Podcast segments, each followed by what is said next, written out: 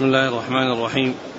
الحمد لله رب العالمين والصلاة والسلام على عبد الله ورسوله نبينا محمد وعلى آله وصحبه أجمعين. أما بعد فيقول الإمام أبو الحسين مسلم الحجاج القشيري النيسابوري رحمه الله تعالى في كتابه المسند الصحيح. قال حدثنا عبد الملك بن شعيب بن الليث قال حدثني أبي شعيب بن الليث قال حدثني الليث بن سعد قال حدثني يزيد بن أبي حبيب عن بكر بن عمرو عن الحارث بن يزيد الحضرمي عن ابن حجيرة الأكبر عن أبي ذر رضي الله عنه أنه قال قلت يا رسول الله ألا تستعملني؟ قال فضرب بيده على منكبي ثم قال يا أبا ذر إنك ضعيف وإنها أمانة. وإنها يوم القيامة خزي وندامة إلا من أخذها بحقها وأدى الذي عليه فيها. قال حدثنا زهير بن حرب وإسحاق بن إبراهيم كلاهما عن المقري. قال زهير حدثنا عبد الله بن يزيد. قال حدثنا سعيد بن أبي أيوب عن عبيد الله بن أبي جعفر القرشي عن سالم بن أبي سالم الجيشاني عن أبيه عن أبي ذر رضي الله عنه أن رسول الله صلى الله عليه وسلم قال يا أبا ذر إني أراك ضعيفا وإني أحب لك ما أحب لنفسي. لا تأمرن على اثنين ولا تولين مال يتيم. بسم الله الرحمن الرحيم. الحمد لله رب العالمين وصلى الله وسلم وبارك على عبده ورسوله نبينا محمد وعلى آله وأصحابه أجمعين.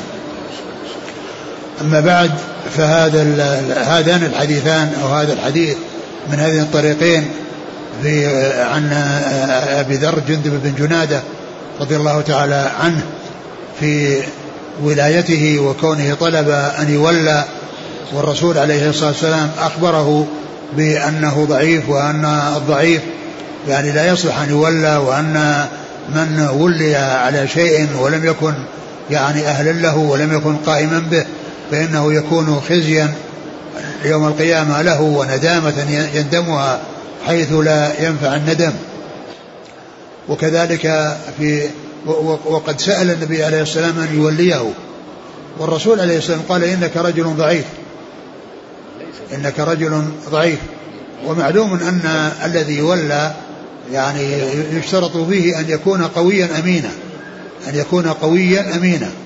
قويا عنده قدرة وعنده تمكن. من القيام بما هو مطلوب منه وأمين بحيث يعني لا يكون يحصل منه خيانة أو يحصل منه يعني تقصير ومخالفة للأمانة وإنما يعني يكون الذي يتولى جامع بين الأمرين أن يكون قويا أمينا وألا يكون يعني يعني خائنا وألا يكون يعني كذلك ضعيفا وإنما يجمع بين القوة والأمانة ويسلم. من من من العجز والخيانة. ولهذا الرسول عليه الصلاة والسلام في سعد بن أبي وقاص لما عزله عن الكوفة بسبب خلاف شديد وقع بينه وبينهم وأنهم تطاولوا عليه وتكلم عليه بعض سفهاءهم ومع ذلك اختاره رضي الله اختاره عمر لأن يكون ممن يختارون للخلافة من بعده. ونبه على عزله على عزله السابق وأنه إنما عزله من أجل خوف إيذاء بعض السفهاء له ولا أنه لم يعزله من عجز ولا خيانة. وهذه فمقتضيات التعيين مقتضيات التعيين العدل القدرة القوة والأمانة. ومقتضيات العزل العجز والخيانة. العجز والخيانة. إذا إذا وجد العجز من الوالي أو وجدت الخيانة فإنه يستحق العزل وإذا كان قويا أمينا يستحق أن يولى.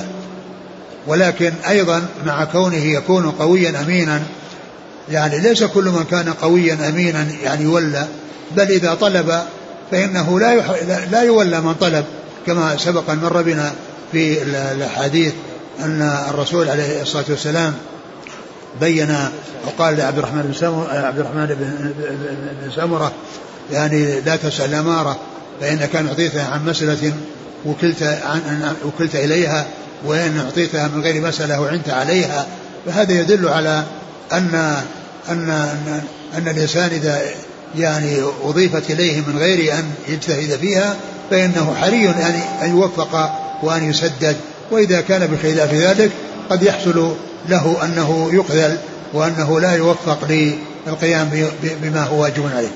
والرسول عليه الصلاة والسلام كما سبق أن مر بنا أن أبا موسى الأشعري لما جاءه ومعه اثنان من الأشعريين وكانوا يطلبون يريدون العمل وهو لا يدري عن الذي في نفوسهما وكان جاء وهو, وهو بينهما فكل منهما طلب العمل. وأبو موسى لا يدري عن حاجتهما. فقال ماذا تقول يا أبا موسى؟ قال والله ما ما علمت الذي يعني أراداه وأنه لم يكن عنده علم بذلك. فبرأ ساحته وبرأ نفسه من أن يكون قصده مثل قصدهم.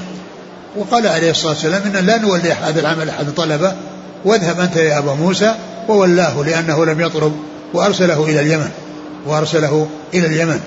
فهذا يدل على أن من كان حتى من كان قويا ومن كان أمينا وإذا طلب ذلك فإنه لا يحرص على توليته. وأن من كان ضعيفا فإنه لا يصلح ولا ينبغي له أن يطلب وإن طلب فإنه يبين له حاله ويبين له أن من الخير له ألا يقدم على هذا الشيء وألا يحرص على هذا الشيء. ولهذا الرسول صلى الله عليه وسلم قال في الحديث الثاني إنك ضعيف وإني أحب لك ما أحب لنفسي وإني أحب لك ما أحب لنفسي. لا لا لا تأمرن على اثنين ولا تلين مال يتيم ولا لا تأمرن على اثنين ولا تلين يعني مال يتيم فبين صلى الله عليه وسلم لأبي ذر رضي الله عنه السبب الذي جعله يعني آه لا يوليه وأنه لا ينبغي له أن يطلب الولاية لأنه ضعيف والضعيف لا يصلح أن يتولى ولا يصلح أن يطلب الولاية. لا يصلح أن يطلب الولاية ولا يصلح أن يولى. لا يصلح أن يطلب الولاية ولا يصلح أن يولى. فيعني فالولاية أمرها عظيم وأمرها يعني خطير والذي يدخلها يعني إذا دخلها من غير طلب لها فحري أن يسدد وأن يعان.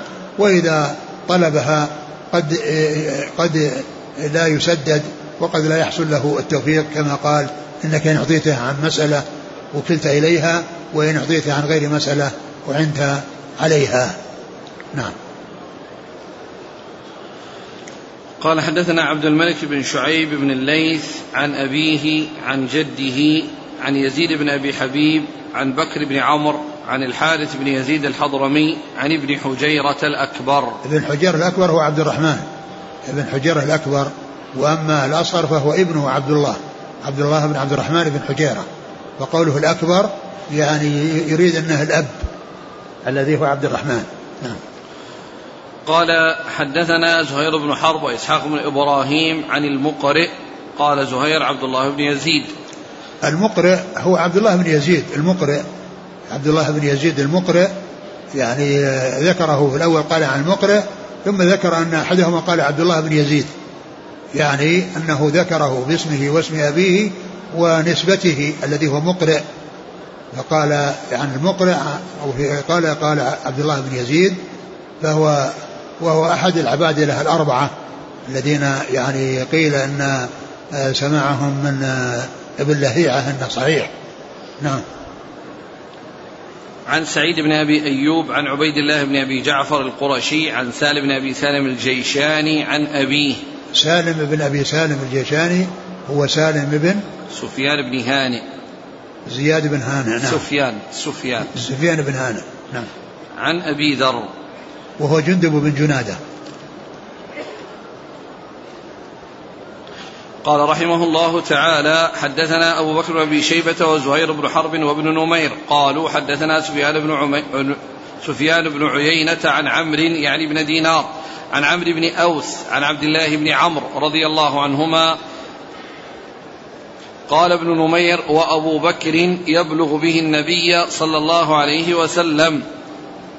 وفي حديث زهير قال قال رسول الله صلى الله عليه وسلم إن المقسطين عند الله على منابر من نور عن يمين الرحمن عز وجل وكلتا يديه يمين الذين يعدلون في حكمهم وأهليهم وما ولوا.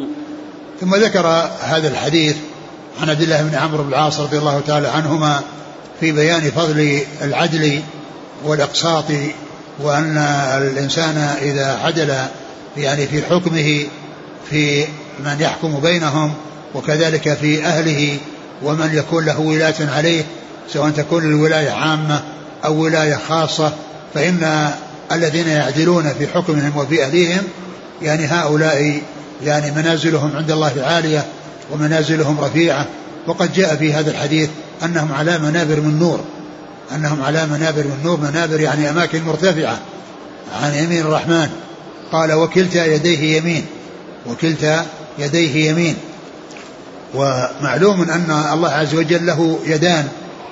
يعني كما جاء في هذا الحديث فجماعة جماعة وكما جاء في القرآن بل يداه مبسوطتان ما منعك أن تسجد لما خلقت بيدي؟ فلله يدان حقيقيتان يتليقان بكماله وجلاله لا يعرف كنههما كما أنه لا يعرف كنه الذات لأن الكلام في الصفات فرع عن الكلام في الذات فكما أنه يثبت ذات لا تشبه الذوات فيثبت لله صفات لا تشبه الصفات لأن صفات الباري كما يليق بكماله وجلاله وصفات المخلوقين تليق بضعفهم وافتقارهم. فيقول في هذا الحديث إن المقسطين أي العادلين الذين يحصل منهم العدل والإقساط هو العدل ويعني والمقسط هو العادل ويعني وأما القاسط فهو الجائر يعني قسط بمعنى جار وأقسط بمعنى عدل. فإذا كان يعني يعني اللفظ يعني أو الماضي ثلاثي وهو قسط فإنه يكون بمعنى جار. وأما إذا كان فيه الهمز في أوله فهو بمعنى عدل. و وهذا منه يعني هذا من مما هو بمعنى العدل. وأما معنى الجور قول الله عز وجل وأما القاسطون فكانوا لجهنم حطبا وأما القاسطون فكانوا لجهنم حطبا أي الجائرون الذين الذين يعني هم ضد العادلين. إن المقسطين على منابر منابر يعني أماكن مرتفعة يعني وهم وهم على يمين الرحمن. قال وكلتا يديه يمين. ومعلوم كما قلت إن لله لله يدين حقيقيتين تليقان بكماله وجلاله. وقد جاء يعني في بعض الروايات في صحيح مسلم أن يطلق على إحداهما يمين والثانية شمال. وقوله كلتا يديه يمين معناه والله أعلم أن أن اليدين كلهما في غاية الكمال. فلا تكون واحدة أنقص من الثانية. بل كلاهما في غاية الكمال لأن صفات الباري كاملة وتليق بكماله وجلاله. وهذا بخلاف المخلوقين فإن يعني المخلوق له يدان ولكن كل إحدى اليدين أنقص من الثانية. وأما الله عز وجل فإن كلتا كلتا يديه في غاية الكمال كلتا اليدين في غاية الكمال. ثم قال بين هؤلاء الذين هم مقصدين؟ قال الذين يعدلون في حكمهم وأهليهم وما ولوا. الذين يعدلون في حكمهم إذا حكموا بين الناس يحكمون بالعدل وكذلك أيضا في أهليهم بأن يعدلوا يعني بين الأولاد ويعدلوا بين الزوجات وأنهم يعني يقومون بالعدل سواء كان بأن يكونوا حاكمين بين الناس أو يكونون في ما يتعلق بأهليهم ممن يعني يجب التسوية. بينهم وألا يحصل الجور وعدم العدل يعني في بين أحد في فيهم وإنما يسوى بين الأولاد يعدل بين الأولاد ويعدل بين الزوجات. قال الذين يعدلون في حكمهم وأهليهم وما ولوا. وهذا يدل على أن الولاية سواء كانت عامة أو خاصة فإن الواجب فيها العدل. الذي ولايته عامة عليه أن يعدل والذي ولايته خاصة عليه أن يعدل. وكل يعدل في حدود ما هو داخل في تحت ولايته. فإن كانت الولاية عامة يحكم يعني بالعدل في الرعية وإن كان قاضي يحكم بين الناس بالعدل ويقضي بينهم وإن كان يعني صاحب يعني آه ولي آه واليا على أهل بيته بأن يكون صاحب بيت يعني مسؤول عن أهله فإنه يعدل فيهم آه، بالسوية ويسوي بين الزوجات ويسوي بين الأولاد. نعم. قال حدثنا أبو بكر بن شيبة وزهير بن حرب وابن نمير. محمد بن عبد الله بن نمير. عن سفيان بن عيينة عن عمرو بن دينار عن عمرو بن أوس عن عبد الله بن عمرو. نعم. قال ابن نمير وأبو بكر يبلغ به النبي صلى الله عليه وسلم. يعني أن أن يعني إضافة آه، الكلام من عبد الله بن عمر وإضافة إلى الرسول عبد الله بن بن عمرو. وإضافة إلى الرسول صلى الله عليه وسلم أن الرواة الذين قبل ذلك يعني يعني الرواة يعني اللي هم أحد شيوخه منهم من قال قال الرسول صلى الله عليه وسلم ومنهم من قال يبلغ به النبي صلى الله عليه وسلم. وهذا يدل على يدل على دقة المحدثين وعنايتهم بالألفاظ والمحافظة عليها. وأما قوله يبلغ به النبي صلى الله عليه وسلم فقد يكون والله أعلم أنه لم يحدد الصيغة لأنه لم يكن يعني جازما بها. ومعلوم أن الصيغة يعني إذا كان يعني ضابطا أنه قال قال قال يقول قال الرسول صلى الله عليه وسلم وإن كان سمعت قال سمعت الرسول صلى الله عليه وسلم وإن كان يعني قال عن رسول الله صلى الله عليه وسلم فإذا كانت الصيغة يعني معروفة وعبر بها الصحابي وإن لم يحصل منه تعبير ويعني لم يكن من دونه أو, أو, أو, أو آه، الرواة يعني غير جازمين بالصيغة التي قالها فإنهم يأتون بعبارة يبلغ به أو ينميه أو يعني يرويه أو رواية وما إلى ذلك. وقد مر قريبا يعني آه بعض الأمثلة من هذا. نعم. قال حدثني هارون بن سعيد الأيلي قال حدثنا ابن وهب قال حدثنا قال حدثني حرملة عن عبد الرحمن بن شماسة قال أتيت عائشة رضي الله عنها أسألها عن شيء فقالت ممن أنت؟ فقلت رجل من أهل مصر. فقالت كيف كان صاحبكم لكم في غزاتكم في غزاتكم هذه؟ فقال ما نقمنا منه شيئا إن كان ليموت للرجل منا البعير فيعطيه البعير والعبد فيعطيه العبد ويحتاج إلى النفقة فيعطيه النفقة. فقالت أما إنه لا يمنعني الذي فعل في محمد بن أبي بكر أخي أن أخبرك ما سمعت من رسول الله صلى الله عليه وسلم يقول في بيتي هذا. اللهم من ولي من أمر أمتي شيئا فشق عليهم فاشقق عليه ومن ولي من أمر أمتي شيئا فرفق بهم فارفق به.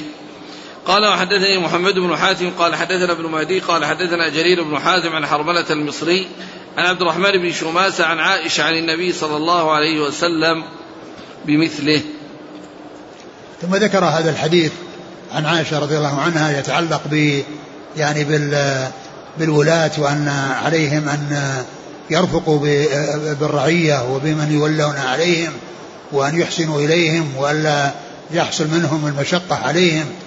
و يعني وقد حدثت بهذا الحديث بمناسبة وهي أن أن عبد الرحمن بن شماسة وهو من أهل مصر يعني جاء يسألها عن شيء فقالت ممن أنت؟ قال من أهل مصر. قالت ما فعل صاحبكم؟ يعني الذي الذي يعني غزوتم معه؟ قال إنه أثنى عليه خيرا وقال إنه كان إذا يعني مات من البعير أعطاه بعيرا وإذا ذهب منه العبد أعطاه عبدا وإذا يعني نقص عليه شيئا أعطاه. فأعجبها يعني هذا الكلام.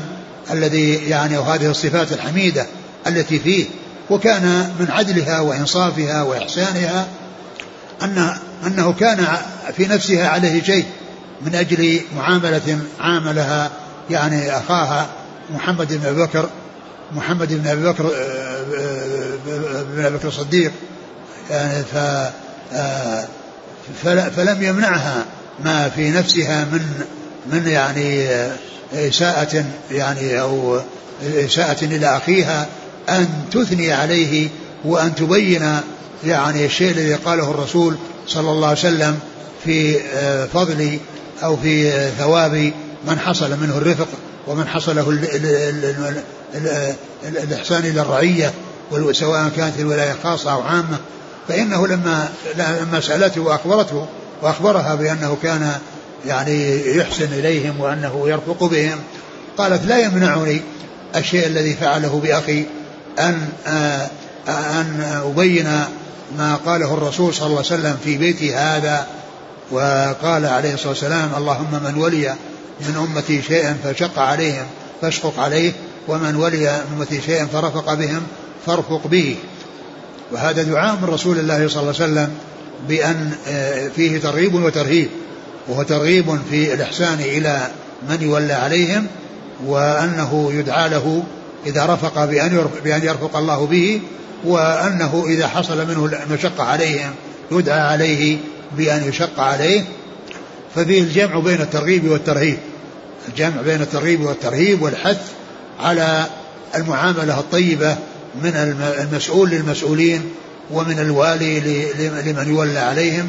وقد جاء في حديث أبي هريرة بن الحصيب الطويل الذي مر بنا عند مسلم رحمه الله أن النبي صلى الله عليه وسلم إذا كان إذا أمر أميرا على جيش أوصاه بتقوى الله ومن معه من المسلمين خيرا. الرسول صلى الله عليه وسلم يوصي أمراء الجيوش والأجناد بوصيتين إحداهما بأن يتقوا الله عز وجل وأن يعني يعني أن يقوموا بما يجب عليهم من حقه وحق غير وحق عباده. وكذلك أيضا يوصيه بأن بالخير بما فيه الخير لمن يولى عليهم لمن يولى عليهم. فعائشة رضي الله عنها لعدلها وإنصافها ما منعها ما علمته أو ما حصل لأخيها منه من الأذى والمضرة أن تبين ما قاله الرسول صلى الله عليه وسلم مما هو مدح لمن حصل منه الرفق وهذا يعني قد حصل منه الرفق كما بينه عبد الرحمن بن شماسة وذم ودعاء على من حصل منه المشقة بأن يشق عليه.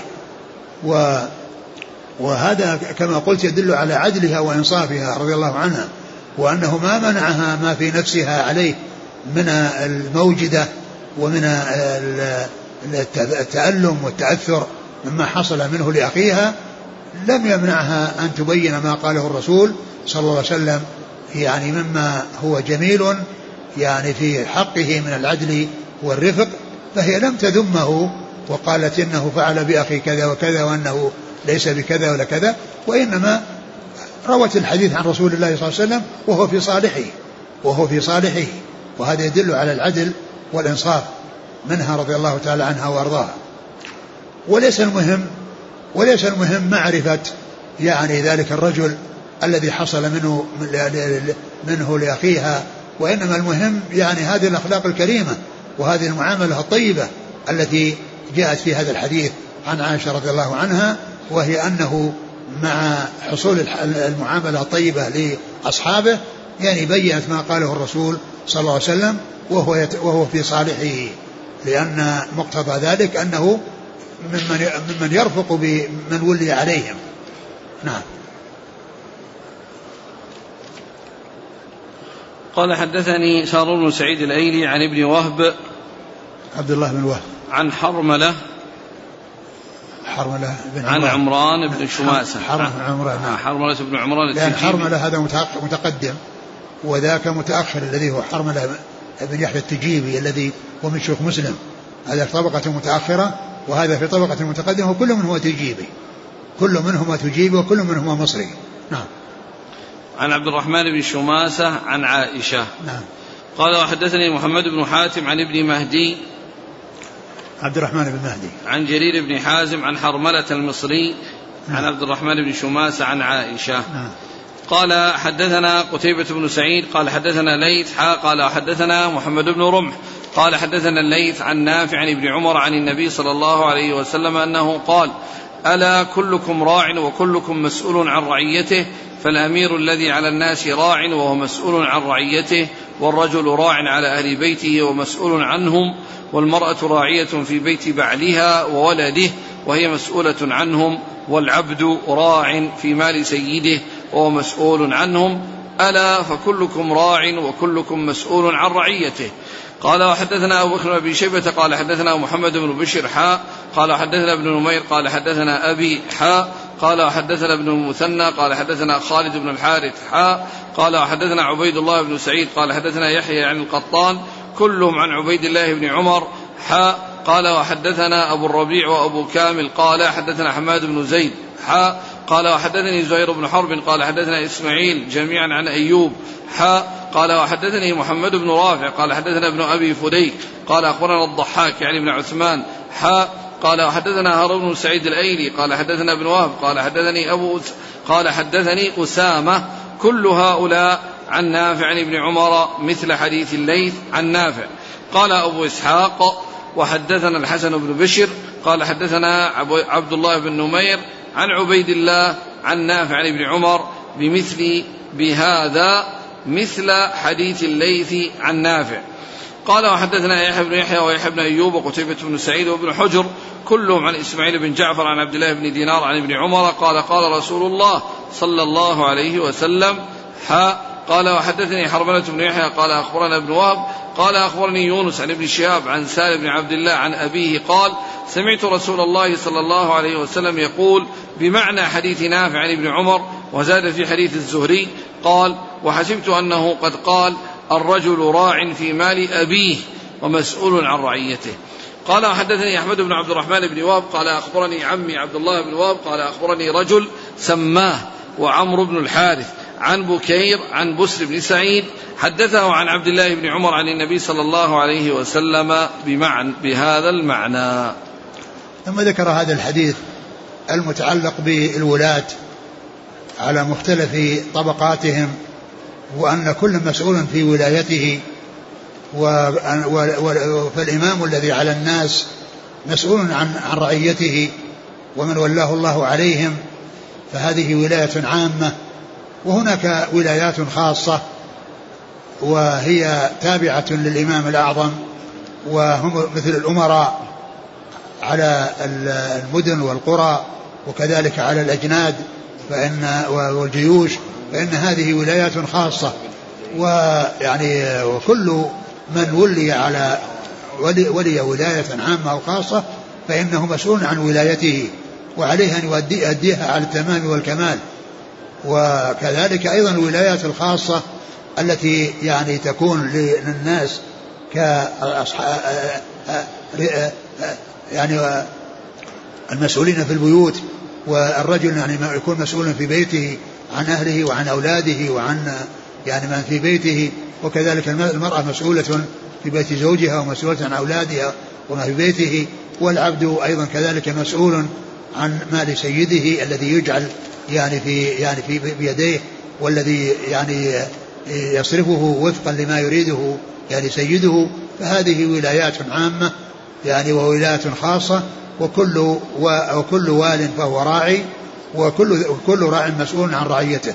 فذكر الإمام الأعظم وكذلك مثله نوابه الذين لهم ولايات دونه وولايتهم إنما هي منه وبتوليته والولايات الخاصة التي هي لأصحاب البيوت كالرجل يعني رعايته لأهل بيته ورعاية المرأة لبيت زوجها وكذلك يعني رعايتها لأولادها وكذلك رعاية العبد لمال سيده الذي أنيط به. فهذا يدل على أن أن كل من والله ولاه الله ولاية عليه أن يقوم بالعدل فيها وبذلك يحصل الأجر والثواب عند الله سبحانه وتعالى. وإذا حصل منه إخلال وحصل منه يعني جور فإنه يعني يستحق العقوبة يستحق العقوبة من الله على ذلك. ثم ذكر وقد ذكر يعني عدة طرق يعني لهذا الحديث. وكان من طريقة مسلم رحمه الله أنه يجمع الأحاديث يعني في مكان واحد ويعدد الطرق وذلك بذكر آه، حاء الدالة على التحويل من إسناد إلى إسناد أو من طريق إلى طريق وثم يأتي بالمتن أو يذكر المتن أولا ثم يذكر الطرق وراءه ويقول بمثله. فهذا يعني من من طريقة مسلم رحمه الله وهي كونه يجمع الأحاديث في مكان واحد ويذكر طرقها وهذا بخلاف البخاري فإنه رحمه الله يفرق الأحاديث على الكتب والأبواب ويذكر لكل طريق يعني سندا ومتنا يستدل به على ما أورد الحديث من أجله وأما مسلم فإنه يجمع الطرق في مكان واحد ولكنه حصل منه أن كرر في مواضع أحصاها الشيخ محمد فؤاد الباقي كما ذكرت ذلك من قبل وأنها بلغت 137 موضعا 137 موضعا يعني الذي فيها التكرار في أكثر من موضع وذكرت أن محمد فؤاد الباقي رحمه الله يعني ذكر عمل فهرسا لصحيح مسلم مجلدا كاملا وذكر فيه أنواع من الفهارس ومنها فهرس بهذه الأحاديث التي حصل تكرارها وكان ذلك في كما ذكرت من قبل في صفحة 601 من ذلك المجلد الخامس الذي فيه تلك الفهارس.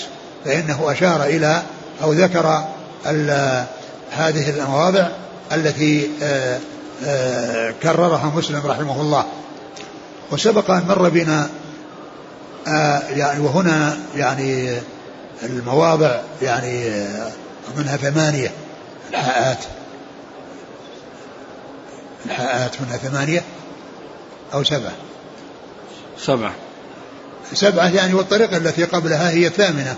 وقد سبق أن مر بنا طريق يعني أكثر منها وهي في رقم 4407 يعني في في في, في يعني كون الرسول صلى الله عليه وسلم قضى يعني قطع في في مجن قيمته ثلاث دراهم فإنه ذكره من من من عشرة طرق.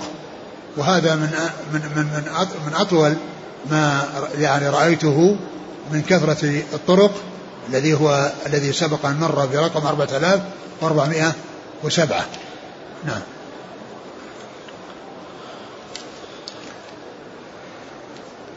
قال حدثنا قتيبة بن سعيد عن ليث ابن سعد. قال حدثنا محمد بن رمح عن ليث عن نافع عن ابن عمر. نعم. قال وحدثنا أبو بكر بن شيبة عن محمد بن بشر. حا قال حدثنا ابن نمير عن أبيه. محمد بن عبد الله بن نمير. حا قال حدثنا ابن المثنى محمد بن مثنى عن خالد يعني بن الحارث. نعم. حا قال حدثنا عبيد الله بن سعيد عن يحيى عن القطان كلهم عن عبيد الله بن عمر. نعم. حا قال حدثنا أبو الربيع هو سليمان بن داود الزهراني وأبو كامل الفضيل بن حسين الجحدري عن حماد بن زيد. نعم. حا قال حدثني زهير بن حرب عن إسماعيل إسماعيل ابن إبراهيم بن علية نعم. عن أيوب ابن أبي تميم السختياني حا قال وحدثني محمد بن رافع عن ابن أبي فديك وهو محمد بن إسماعيل. عن الضحاك عن ابن عثمان. حا قال حدثنا هارون بن سعيد الأيلي عن ابن وهب عن أسامة. أسامة بن زيد الليثي. كل هؤلاء عن نافع عن ابن عمر. نعم. قال أبو إسحاق وحدثنا الحسن بن بشر. أبو إسحاق هذا هو راوي الكتاب عن مسلم وهو إبراهيم بن محمد بن سفيان. فإن له زيادات يعني يأتي بها من طريقه.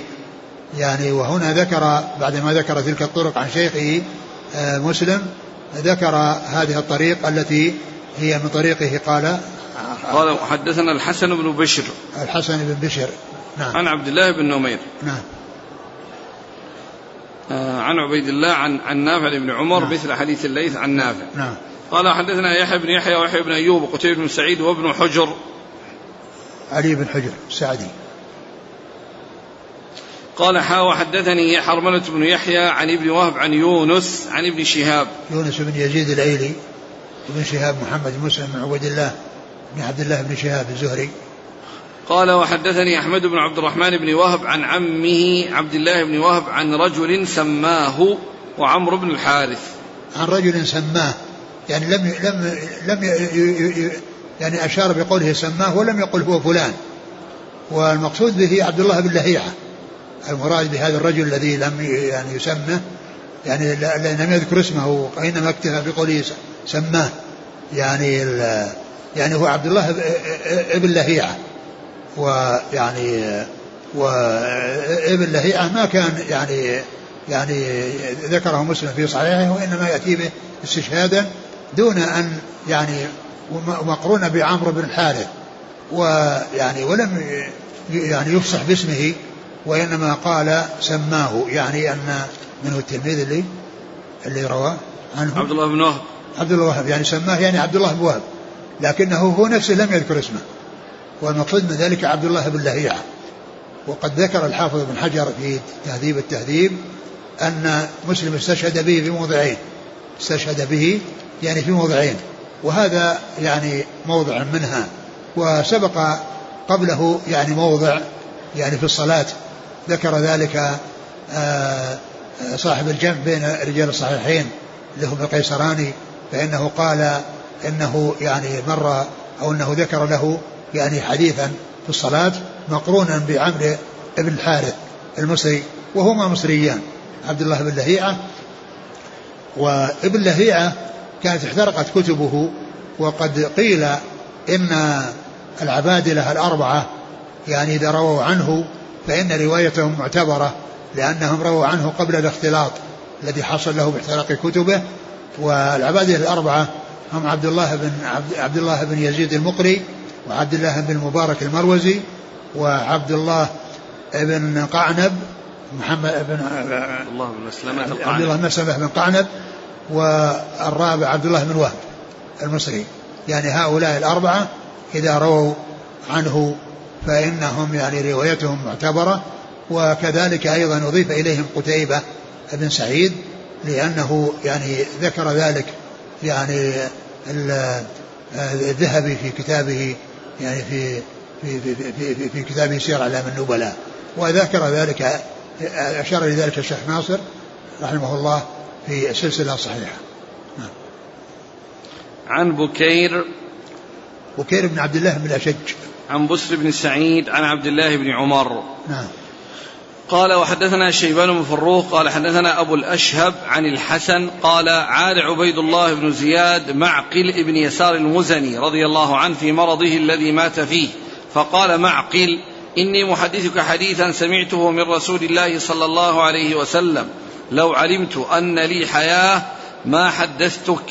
إني سمعت رسول الله صلى الله عليه وسلم يقول ما من عبد يسترعيه الله رعية يموت يوم يموت وهو غاش لرعيته إلا حرم الله عليه الجنة. قال وحدثناه يحيى بن يحيى قال أخبرنا يزيد بن زريع عن يونس عن الحسن قال دخل ابن زياد على معقل بن يسار وهو وجع بمثل حديث أبي الأشهب وزاد قال ألا كنت حدثتني هذا قبل اليوم؟ قال ما حدثتك أو لم أكن لأحدثك. قال وحدثنا أبو غسان المسمعي وإسحاق بن إبراهيم ومحمد بن المثنى. قال إسحاق أخبرنا. وقال الآخران حدثنا معاذ بن هشام. قال حدثني أبي عن قتادة عن أبي المليح أن عبيد الله بن زياد دخل على معقل بن يسار رضي الله عنه في مرضه. فقال له معقل إني محدثك بحديث لولا أني في الموت لم أحدثك به. سمعت رسول الله صلى الله عليه وسلم يقول ما من أمير يلي أمر المسلمين ثم لا يجهد لهم وينصح إلا لم يدخل معهم الجنة. قال وحدثنا عقبة بن مكرم العمي. قال حدثنا يعقوب بن إسحاق. قال أخبرني سوادة بن أبي الأسود. قال حدثني أبي أن معقل بن يسار رضي الله عنه مرض. فأتاه عبيد الله بن زياد يعوده نحو حديث الحسن عن معقل. ثم ذكر يعني هذه الأحاديث عن معقل عن معقل بن يسار. بن يسار رضي الله عنه صاحب رسول الله صلى الله عليه وسلم وكان قد مرض يعني وكان في مرض موته وأنه زاره عبيد الله بن زياد بن أبيه وكان أميرا وكان يعني معروف بالصلف والجور وقد وقال له إني محدثك حديثا يعني لولا أنه في لولا أنه في آخر حياتي ما حدثه به. وقال إن أن الرسول صلى الله عليه وسلم قال ما من عبد يسترعيه الله رعية ثم يعني يموت ثم يموت وهو يموت يوم يموت وهو غاش لرعيته. يعني يموت يوم يموت وهو غاش لرعيته إلا حرم, حرم الله عليه الجنة. واللفظ الآخر أنه لم يدخل الجنة معهم. لم يدخل الجنة معهم. ويعني والمعنى هذا الحديث أن أنه ليس معنى ذلك أنه لا يدخل الجنة وأنها الجنة حرام على يعني على على يعني على عليه وعلى أمثاله. لأن كل من كان مسلما فإنه يرجى له ترجى له الجنة. لكن آآ آآ من الناس من يدخل الجنة من أول وهلة؟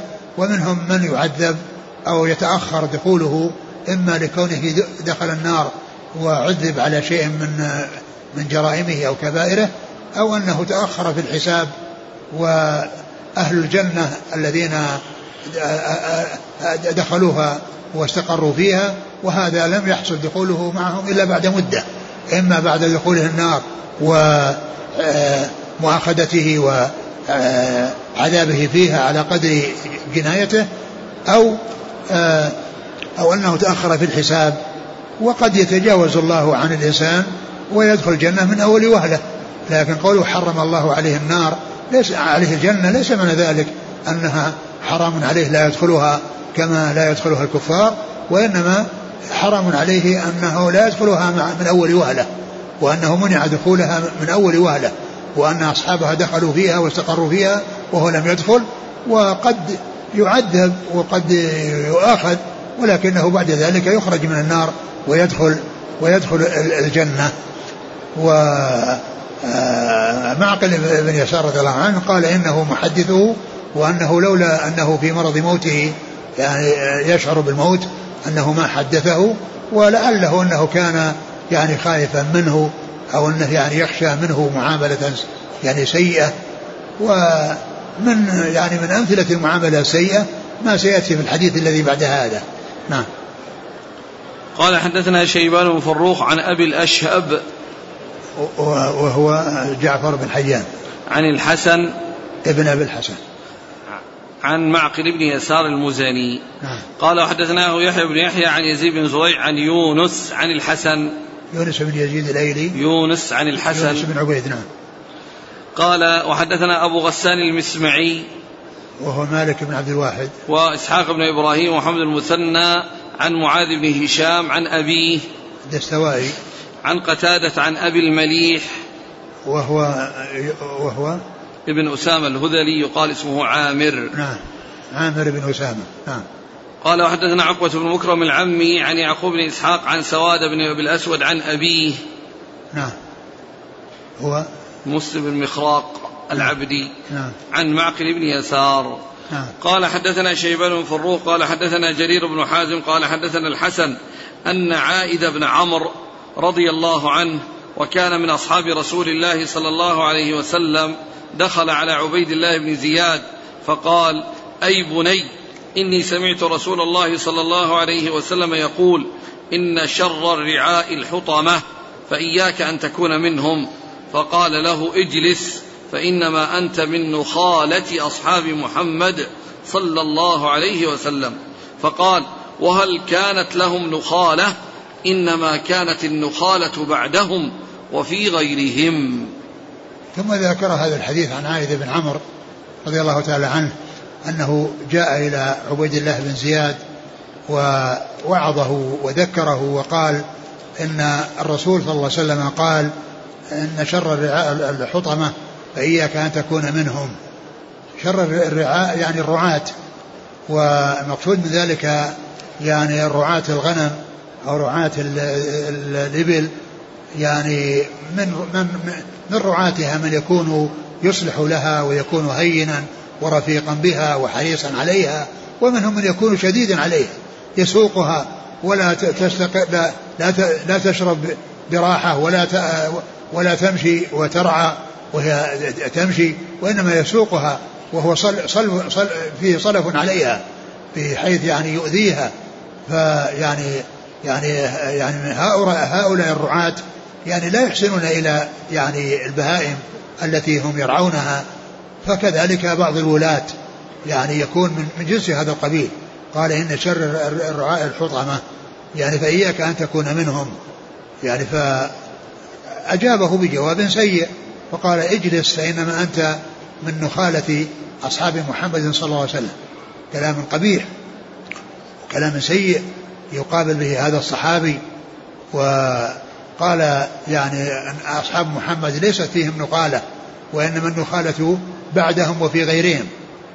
وهذا كلام يعني من أحسن ما يكون ومن أجمل ما يكون لأن هذا فيه بيان آه، فضل الصحابة وسلامتهم من الأمور التي وقع فيها غيرهم. ف يعني ف يعني ف فلما وصفه بأنه من النخالة وبين أن أصحاب محمد ليس فيهم نقالة وإنما كلهم يعني صفوة وكلهم مختارون وليسوا بهذا الوصف الذي ذكره وأن النخالة ليست فيهم وإنما هي في غيرهم وبعدهم رضي الله تعالى عنهم وأرضاهم. قال رحمه الله تعالى وحدثني زهير بن حرب قال حدثنا إسماعيل بن إبراهيم عن أبي حيان عن أبي زرعة عن أبي هريرة رضي الله عنه أنه قال قام فينا رسول الله صلى الله عليه وسلم ذات يوم فذكر الغلول فعظمه وعظم أمره ثم قال لا ألفين أحدكم يجيء يوم القيامة على رقبته بعير له رغاء. يقول يا رسول الله أغثني. فأقول لا أملك لك شيئا قد أبلغتك. لا ألفين أحدكم يجيء يوم القيامة على رقبته فرس له حمحمة. فيقول يا رسول الله أغثني. فأقول لا أملك لك شيئا قد أبلغتك. لا ألفين أحدكم يجيء يوم القيامة على رقبته شاة لها ثغاء يقول يا رسول الله أغثني. فأقول لا أملك لك شيئا قد بلغتك قد أبلغتك. لا ألفين أحدكم يجيء يوم القيامة على رقبته نفس لها صياح فيقول يا رسول الله أغثني. فأقول لا أملك لك شيئا قد أبلغتك. لا ألفين أحدكم يجيء يوم القيامة على رقبته رقاع تخفق فيقول يا رسول الله أغثني فأقول لا أملك لك شيئا قد أبلغتك. لا ألفين أحدكم يجيء يوم القيامة على رقبته صامت فيقول يا رسول الله أغثني فأقول لا أملك لك شيئا قد أبلغتك.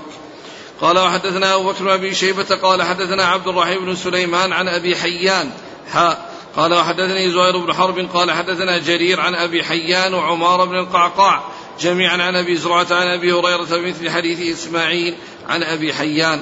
قال وحدثني أحمد بن سعيد بن صخر الدارمي قال حدثنا سليمان بن حرب قال حدثنا حماد يعني بن زيد عن أيوب عن يحيى بن سعيد عن أبي زرعة بن عمرو بن جرير عن أبي هريرة رضي الله عنه قال ذكر رسول الله صلى الله عليه وسلم الغلول فعظمه. واقتص الحديث قال حماد ثم سمعت يحيى بعد ذلك يحدثه فحدثنا بنحو ما حدثنا عنه أيوب. قال وحدثني أحمد بن الحسن بن خراش. قال حدثنا أبو معمر. قال حدثنا عبد الوارث. قال حدثنا أيوب عن يحيى بن سعيد بن حيان عن أبي زر عن أبي زرعة عن أبي هريرة عن النبي صلى الله عليه وسلم بنحو حديثهم. والله تعالى أعلم وصلى الله وسلم وبارك على عبده ورسوله. نبينا محمد وعلى آله وأصحابه أجمعين. جزاكم الله خيرا وبارك الله فيكم. ألهمكم الله الصواب ووفقكم للحق شفاكم الله وعافاكم ونفعنا الله ما سمعنا وغفر الله لنا ولكم وللمسلمين أجمعين. آمين, آمين.